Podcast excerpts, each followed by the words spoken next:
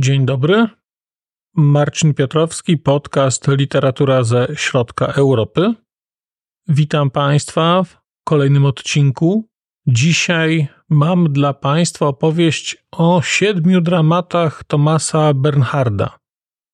I naprawdę nie wiem, jak to zrobię, bo to jest siedem osobnych utworów.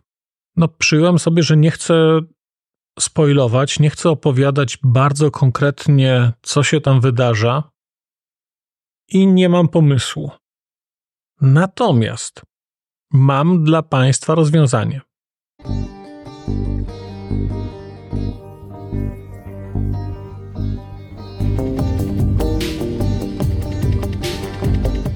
Literatura ze środka Europy.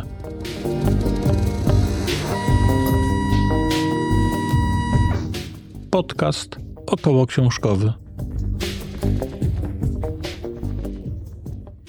Otóż w opisie odcinka znajdą Państwo film do fascynującej rozmowy, którą prowadzi, no można byłoby powiedzieć, święta trójca polskiego Bernharda, czyli pani Monika Muskała, pani Agata Witchen-Barałkowska i pan Tomasz Lipszyc.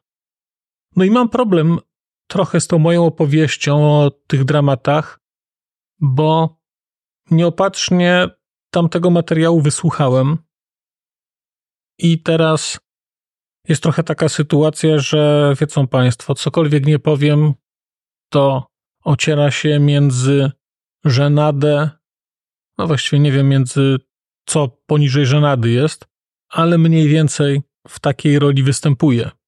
Więc naprawdę szczerze Państwa zachęcam do wysłuchania tamtej rozmowy. Co więcej, tam jest film. Tam jest to, co Państwo w YouTubie uwielbiacie, czyli żywe twarze mówiące, mówiące bardzo mądrze i mające coś do powiedzenia o Bernhardzie bardzo konkretnego, bo to są zawodowcy. Więc bardzo Państwa do obejrzenia tamtego filmu zachęcam. Pasjonująca rozmowa. I myślę, że szczerze więcej ona Państwu wniesie niż moje tutaj za chwilę pseudo. No nie wiem, no. Wynurzenie to jest za duże słowo, bo, bo, bo sugeruje przebicie się nad powierzchnię czegoś. Mamy więc siedem dramatów. Sześć z nich ukazało się nakładem wydawnictwa Czytelnik w takich dwóch tomach. W tomie pierwszym w roku 2020 ukazały się sztuki Siła przyzwyczajenia, Minetti, portret artysty czasów starości i trzecia sztuka przed odejściem w stan spoczynku. W roku 2021 ukazały się kolejne trzy dramaty. Na szczytach panuje cisza, komediant i plac bohaterów. Te sześć dramatów to są dramaty w przekładzie pani Moniki Muskały, pani Anny Żmi Zielińskiej i pana Jacka Burasa. Ja dodatkowo czytałem jeszcze dramat Elżbieta II, no bo Elżbieta II, właściwie opowiadanie Michala Chworeckiego pod tym samym tytułem, spowodowało, że zdecydowałem się akurat teraz te dramaty Bernharda przeczytać. Więc siódmy dramat, który dzisiaj się pojawi, to jest dramat zatytułowany Elżbieta II. Jest to dramat w przekładzie pana Wiktora Sybilskiego, i ja go czytałem dzięki uprzejmości Agencji Dramatu i Teatru. Wyjątkowa instytucja to jest. Dam Państwu link w opisie odcinka. Zachęcam do zajrzenia sobie na stronę, do przejrzenia sobie biblioteki tego, co Agencja Dramatu i Teatru oferuje, bo to jest bardzo ciekawa rzecz. I tę Elżbietę II będę czytał, czy czytałem właściwie, dzięki uprzejmości agencji, bo to jest coś, co nie ukazało się, można powiedzieć, oficjalnie, nie ukazało się, no, nie można tego nigdzie kupić. Natomiast jeżeli będą Państwo chcieli czytać, proszę pisać do agencji. Tam pracują dobrzy ludzie, miłośnicy literatury i teatru, więc negocjujcie Państwo. Może nie trzeba będzie bardzo negocjować. Te siedem dramatów to jest dla mnie pierwsze zetknięcie się z Tomasem Bernhardem jako twórcą dramatu. Ja wiedziałem o tym, że on pisał do teatru, natomiast niczego nie czytałem, aczkolwiek miałem wrażenie, że te jego prozy są wysoce, nazwijmy to, teatralne czy dramatyczne, jeżeli mówimy o potencjale wystawiania ich na scenie. Ja co prawda widziałem je raczej jako monologi, ale pewnie są inne przedstawienia. Wiem, że jest mnóstwo, znaczy może nie mnóstwo, ale że bardzo dużo tych przedstawień zrobił Christian Lupa. Ja niestety jestem tutaj, no bądźmy sobie szczerzy, dosyć intelektualnie i kulturowo ograniczony. I jeżeli spojrzycie sobie Państwo na, na średnią konsumpcję, że tak powiem, sztuk dramatycznych w Polsce, to ja jestem wśród tych, którzy zaniżają, bo nie chcę mówić, kiedy byłem ostatnio w teatrze. Obawiam się, że mógłbym sobie nie przypomnieć. Co jest straszne, a tym straszniejsze, że będę mówił dzisiaj o dramatach. No i właśnie, to jest trochę taka sytuacja, w której chyba nikt nie chciałby się znaleźć. Te siedem dramatów, o których chciałem dzisiaj Państwu opowiedzieć, można byłoby podzielić na takim najwyższym poziomie ogólności na dwie grupy. Pierwsza to są dramaty, które skupiają się na takich tematach jak starość, jak sztuka, jak bycie artystą, jak dzieło doskonałe, jak kariera. Wszystko oczywiście w kontekście starości. Ta starość jest tutaj wiodąca. Druga grupa to są takie bardzo, bardzo bernhardowskie, powiedziałbym, rozliczenia z przeszłością, czyli no właściwie brak rozliczeń, czyli nazizm, czyli Austria, narodowy socjalizm, II wojna światowa, hitlerowcy i tak dalej. I mam wrażenie, że każdy z tych siedmiu dramatów dałoby się bardzo wyraźnie do którejś z tych grup przypisać, a niektóre byłyby nawet pomiędzy, bo to nie jest tak, że te wszystkie rzeczy są takie bardzo, bardzo jednoznaczne. W każdym z nich jest jakiś wątek główny dominujący, ale zdałoby się znaleźć też pewnie coś z tej drugiej strony. Z oczywistych względów dla mnie bliższa jest ta historia druga, czyli te rzeczy związane z rozliczeniami, z historią. Pytanie dlaczego? Wydaje mi się, że dlatego, że chyba jestem, mimo wszystko, lepiej przygotowany do odbioru tych wątków historycznych niż do odbioru wątków związanych ze sztuką, w szczególności sztuką performatywną.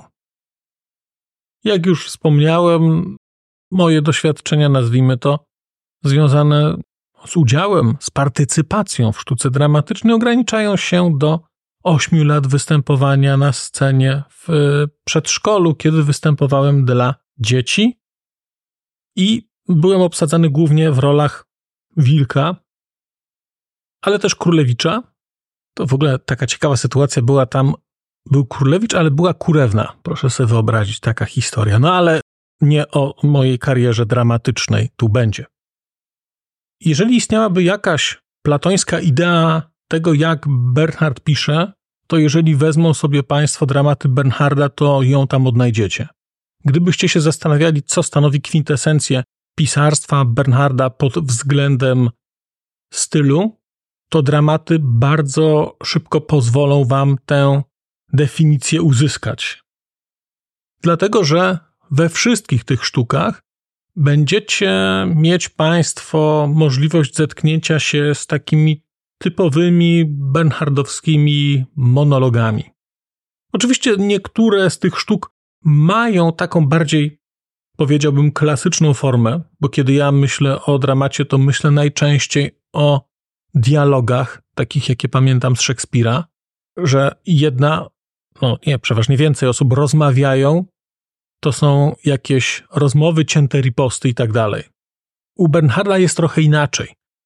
W większości tych dramatów, w szczególności tych o dużym ciężarze gatunkowym, czyli Plac Bohaterów, czyli przed odejściem w stan spoczynku i dramatem Komedianci. To są trzy, moim zdaniem, najcięższe z tego zestawu. Chociaż jeszcze Elżbieta II też jest dosyć taka, powiedziałbym, konkretna. No to, to są dramaty, które opierają się o monologi. To są monologi głównych bohaterów, ale to jest ciekawa w ogóle rzecz, że te monologi nie są monologami wprost. To znaczy, osoba, która je wygłasza, najczęściej ma wokół siebie kogoś, do kogo mówi. Co więcej, ta osoba, która słucha, właściwie nic nie robi. To jest taki pasywny słuchacz. To jest ktoś, kto czasami podniesie głowę, to jest ktoś, kto zrobi zdjęcie, to jest ktoś, kto coś zapisze, to jest ktoś, kto ceruje skarpety. Jedna osoba mówi, druga osoba słucha, bo nie ma innego wyjścia, bo na przykład jest niepełnosprawna, jest na wózku i jest uzależniona od tej drugiej osoby. I tego jest tutaj dużo, to znaczy w większości te sztuki są monologami, są monologami z bardzo klasyczną bernhardowską frazą. To jest coś, co będzie tu widać rewelacyjnie, czyli te ciągłe powtórzenia i wariacje. To jest coś, co bardzo mi się podobało w prozie Bernharda i ja tego szukam. A tutaj widać to jeszcze bardziej, dlatego że jest to, powiedziałbym, wydestylowane wręcz do takiego czystego ekstraktu. Jeżeli mamy całe strony, całe rozdziały tego typu narracji w prozie, o tyle w dramacie to jest wprost nazwane, że to jest monolog i to mówi ta osoba i wybrzmiała to bardzo. Wybrzmiała to bardzo także na poziomie składu tekstu, bo to nie jest blok tekstu, tylko jest to praktycznie biały wiersz. I w ogóle także elementem, który był dla mnie tutaj zaskakujący, a który sprawdził się dla mnie rewelacyjnie, jest całkowity brak interpunkcji. Tutaj nie ma kropek, tu nie ma przecinków. Nowe zdania są właściwie sygnalizowane wielką literą, ale w wielu miejscach jest napisane tak, że wydaje mi się, że od artysty będzie zależała interpretacja tego tekstu. Więc jeżeli będą Państwo to czytać, to zauważycie, że dotrzecie do miejsc, gdzie to, jak sobie to przeczytacie, jak Wam to w głowie wybrzmi, w dużym stopniu będzie determinowało to, co odkryjecie, jak zrozumiecie, jak odczytacie coś. To jest także, i to było dla mnie ciekawe, kiedy czytałem na przykład Szekspira, przepraszam, że odwołuję się do takich banałów, ale akurat Szekspira znam najlepiej, a nawet powiedziałbym w miarę jakoś znam. Kiedy czytałem Szekspira, zazwyczaj nigdy sobie tego nie wyobrażałem. Ja to po prostu czytałem. Tymczasem, nie wiem dlaczego, ale chyba po raz pierwszy miałem takie doświadczenie czytania dramatu i wyobrażania go sobie, to znaczy zastanawiania się rzeczywiście, co jest po prawej, co jest po lewej stronie. Istotnym elementem tych dramatów jest muzyka. I kiedy pojawiają się tam na przykład wiolonczele, pojawiają się tam instrumenty inne, to wręcz po raz pierwszy miałem taką sytuację, że kiedy było napisane, że ktoś przeciąga smyczkiem i wydobywa niski dźwięk, to starałem się sobie to wyobrazić. I nie wiem, czy jest to kwestia tego, że w końcu na starość jakoś dojrzałem do zwracania większej uwagi na didaskalia, czy jest to też trochę cecha Bernharda i to, że poprzez brak elementów, które by bardzo jasno nam to wszystko pozycjonowały, szukamy czegoś, co nam to pomoże sobie jakoś, nie wiem, zwizualizować. Trudno mi o tym mówić, bo nie mam aparatu pojęciowego, nie mam aparatu poznawczego do recepcji dramatu jako, no, jako formy literackiej. Więc przepraszam, jeżeli bredzę tutaj i jeżeli Państwo się na tym znacie, to obawiam się, że, że będę musiał Was przeprosić, jeżeli doznacie na przykład intelektualnej niestrawności. Mamy więc w tych historiach głównych bohaterów, którzy wygłaszają te bernhardowskie monologi z moim ulubionym fragmentem, łączącym i odmieniającym przez wszystkie przypadki narodowy socjalizm i katolicyzm. Mamy wątki, które znaliśmy z prozy, czyli szydzenie z bardzo konkretnych miast. Tutaj Augsburg się na przykład pojawia. Mamy szydzenie z innych bliźnik. Mamy szydzenie z wyższej klasy średniej, mamy szydzenie ze sklepikarzy, mamy szydzenie z artystów. Mamy tu właściwie permanentną szyderę ze wszystkich. Całkowicie pomijam tutaj wątek dramatyczny i bardzo, naprawdę bardzo Państwa zachęcam do tego, żebyście wysłuchali tej rozmowy. Ona jest fascynująca, a jednocześnie jest to rozmowa ludzi, którzy związani są z teatrem. I na przykład powiedzą Państwu o tym, kim był Minetti, bo to był artysta, dla którego Bernhard napisał sztukę, z którym w roli głównej napisał sztukę. I słuchając tamtej rozmowy, usłyszycie Państwo historię, jak artysta odgrywał sztukę napisaną dla siebie i grał na przykład króla Lira. Bo tu na przykład w sztuce Minetti, portret artysty czasów starości, całość kręci się wokół starszego już bardzo artysty, który całe życie przygotowuje się, czy odgrywa właściwie rolę Lira. Jest w ogóle niesamowitą historią, że artysta schodzący, starzec, znowu odgrywa Lira. Ten Lir jest no, takim synonimem osoby starszej. Wydaje mi się, że cały ten kontekst kulturowy także w Polsce związany z Tadeuszem Łomnickim i z tą jego rolą Lira ostatnią, nieskończoną. Niesamowicie to się tu przeplata. Oczywiście nie ma bezpośrednich nawiązań, natomiast no, to jest nawiązanie, które samo się wręcz narzuca. Natomiast cechą wspólną też tych dramatów jest podnoszenie tematu przemocowości. Przemocowości zarówno ze strony systemu politycznego, ale przemocowości wobec wszystkich, wobec dzieci, no bo mamy tu artystów i mamy tu artystów, którzy są trochę ciemiążcami. Artystów, którzy po to, żeby wystawiać swoje sztuki, żeby realizować się jako artyści, zmuszają, brutalnie zmuszają do ciągłych prób swoich bliskich. Co więcej, pojawiają się też tutaj takie wątki dziedziczności tego, pokazania, że właściwie to jest taka samospełniająca się przepowiednia, że chcesz być artystą, no to, no to musisz być jakoś przemocowy i potem ty będziesz kontynuować tę przemoc wobec innych. I myślę, że w ogromnym stopniu jest to prawdziwa obserwacja, niestety.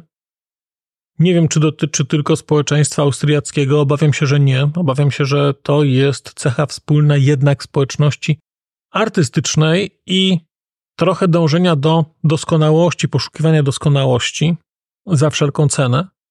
I tutaj będzie tego sporo. I siła przyzwyczajenia, i Minetti, i komediant. To będą takie historie, gdzie takie wątki będą się pojawiać. Natomiast gdybym miał wybrać z tych dramatów, powiedzmy trzy najważniejsze, to niewątpliwie byłby to Plac Bohaterów. Opowieść o człowieku, który przeżył wojnę, bo wyjechał do Anglii, jest Żydem i wraca i mieszka w Wiedniu. Jest opowieść, jest dramat przed odejściem w stan spoczynku, który opowiada o kończącym karierę sędzim. No właśnie, który, który jest sędzią, który jest dobrym sędzią chyba nawet, który jest szanowanym sędzią. Natomiast no, to jest człowiek, dla którego najważniejszym dniem co roku są urodziny Himmlera. Tego dnia przebiera się w mundur SS, który jego siostra, żyjąca z nim w takim kazirodczym związku, przechowała, a druga jego siostra, która jest sparaliżowana, zostaje przebrana wtedy w pasiak obozu koncentracyjnego. To są bardzo, bardzo poruszające teksty, na mnie mniejsze wrażenie zrobił Minetti, ale tak jak wspomniałem, przeze mnie odbiór wątków dotyczących sztuki dramatycznej jest no, siłą rzeczy ograniczony. No i jest jeszcze dramat Elżbieta II, który przeczytałem no, zainspirowany opowiadaniem Michala Chworeckiego, a także w ogóle taką całą historią wokół tej sztuki, o której Michał Chworecki opowiadał, o tym jak ta premiera została w Bratysławie przygotowana po to, żeby obejść ten bernhardowski zakaz wystawiania sztuk w Austrii. I to jest też bardzo ciekawa rzecz, ona łączy ze sobą e, zarówno wątki, nazwijmy to takie rozliczeniowe, no bo mamy tutaj głównego bohatera w postaci magnata stalowego Herensteina, ale tam pojawiają się też wątki właśnie powracających Żydów, właśnie kogoś, kto był w Oksfordzie, kto wrócił z Oksfordu. Te rzeczy też są obecne w innych dramatach. To jest kilka takich wątków, które gdzieś się pojawiają, natomiast przepiękny, mi się to bardzo podoba, bo to jest sytuacja, w której do takiego bardzo, bardzo już starszego człowieka, który mieszka w Wiedniu, okazuje się, że pod jego oknami będzie spotkanie z królową angielską, będzie można zobaczyć Elżbietę II. No i wtedy przypominają sobie wszyscy o nim i postanawiają go odwiedzić, a właściwie organizuje to jego siostrzeniec. No i pojawia się tam mnóstwo ludzi.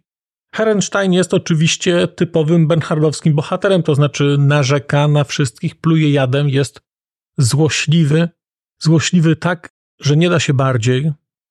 Ja to uwielbiam, mnie to bawi to, jak Bernhard tę historię tutaj tworzy, jest złośliwy, a ta sztuka tak przewrotnie się jeszcze kończy, że naprawdę, naprawdę szacunek. No i muszę powiedzieć, że chyba po tych dramatach będę rzeczywiście wypatrywał Tomasa Bernharda na deskach, inscenizacji oczywiście, bo mimo, że no, zazwyczaj jakoś nie po drodze mi do teatru, no bo w trakcie, kiedy się jedzie, kiedy się czeka, to można więcej przeczytać, jak człowiek nie pojedzie, no bo szybciej się czyta niż słowa wybrzmiewają. Możecie Państwo ocenić na skali herezji od 1 do 10 to, co tu mówię. No to mimo wszystko mam takie poczucie, że chętnie bym sobie te rzeczy obejrzał, chętnie bym sobie doświadczył tego, no bo nadal jestem fanem Tomasa Bernharda i cóż tu powiedzieć, te dramaty tylko ten stan pogłębiły, ale także pogłębiło wysłuchanie tej znakomitej rozmowy, bo to też mi pokazało trochę nowe kierunki, nowe wątki, nowe historie, które gdzieś są tam dla mnie do poodkrywania. Przepraszam więc Państwa za to, że oczywiście nie powiedziałem o konkretnie, co się wydarza w każdym tym dramacie, ale naprawdę, no, utworu, który jest na półtorej do dwóch godzin czytania, no nie będę Państwu streszczał. Zachęcam do sięgnięcia. Jeżeli obawiacie się Państwo Tomasa Bernharda, wiem, że jest sporo takich słuchaczy, którzy obawiają się tej prozy, to wydaje mi się, że dramaty są dobrym punktem startu. Bo zarówno tom pierwszy, jak i tom drugi są tak skomponowane, o czym opowiada pani Agata Witchen-Barełkowska, one są tak skomponowane, żeby były tam rzeczy z różnych, nazwijmy to, wag. Więc są też i te, Bernhard nazywa to komediami, ale proszę Państwa, to jak to ktoś powiedział, się dobrze równie bawiłem na cudzym pogrzebie. To są takie komedie, które śmieszą tylko niektórych. No. Więc śmiało można po to sięgać, a jednocześnie czytając te dramaty, będziecie Państwo mieć bardzo wyraźne próbki stylu Bernharda, i trochę zobaczycie, czego można się spodziewać jego powieściach, czy powieściach, w tych utworach prozatorskich. No i wydaje mi się, że to jest dobre, a jednocześnie nie będziecie Państwo musieli unikać trudnych tematów, tak jak na przykład w bratanku Wittgensteina, o którym mówi się, że jest taki dobry na początek, no to on może jest dobry na początek, ale przeskok między bratankiem a na przykład wymazywaniem no to może być skokiem na głęboką wodę. Tutaj to jest coś pomiędzy, jednocześnie, jak mówię, będzie tu kilka dramatów, które będą bardzo miały wysoki ciężar gatunkowy, ale poprzez także swoją formę ograniczenia czasowego, wydaje mi się, że one będą stosunkowo, nie chcę powiedzieć nieinwazyjne, ale nie aż tak inwazyjne i obciążające, jak potrafią być prozy. Tomasa Bernharda. Bardzo Państwa do czytania Bernharda zachęcam. No a kolejny Thomas Bernhard powróci u mnie w przyszłym miesiącu, ale nie wiem jeszcze, co to będzie. Bardzo dziękuję za uwagę. Zachęcam do słuchania innych moich odcinków o Bernhardzie, ale przede wszystkim na Boga. Posłuchajcie Państwo tych zawodowców, którzy o Bernhardzie mówią. Link w opisie. Dziękuję. Do usłyszenia.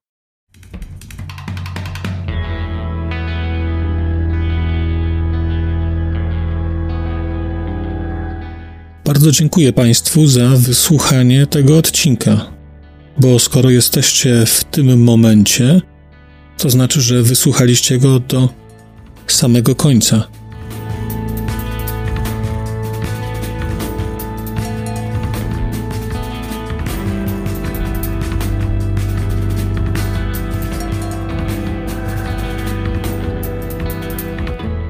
Słuchaczy platform podcastowych chciałem zaprosić na kanał na YouTube, gdzie znajdziecie Państwo te same treści, ale dzięki modułowi komentarzy będziecie mogli wejść w interakcję z innymi słuchaczami tego podcastu i dzielić się swoimi spostrzeżeniami dotyczącymi książek, ale nie tylko.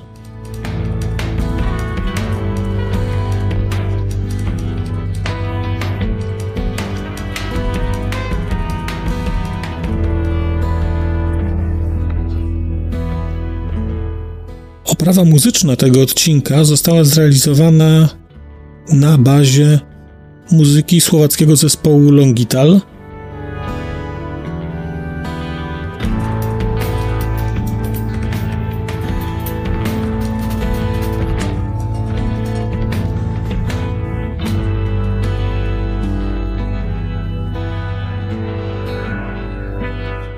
Longital to Wspaniała słowacka grupa, której muzyka jest dla mnie kwintesencją nowoczesnego brzmienia Europy Środkowej. Bardzo Państwa zachęcam do posłuchania tego zespołu i chciałem podziękować Shinie i Danielowi, że zgodzili się na wykorzystanie ich muzyki w moim podcaście.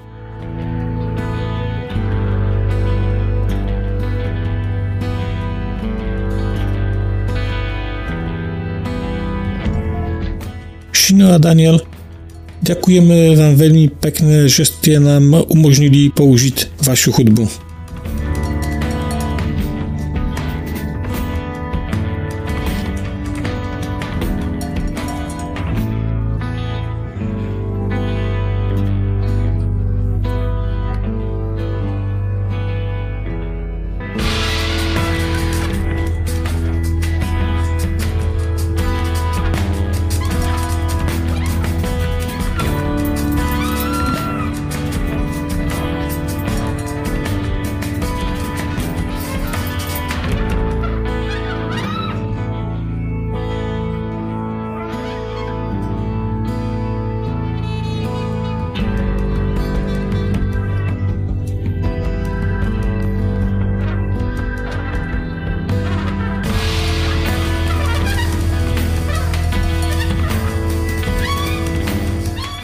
To jest naprawdę wszystko. Dziękuję i do usłyszenia.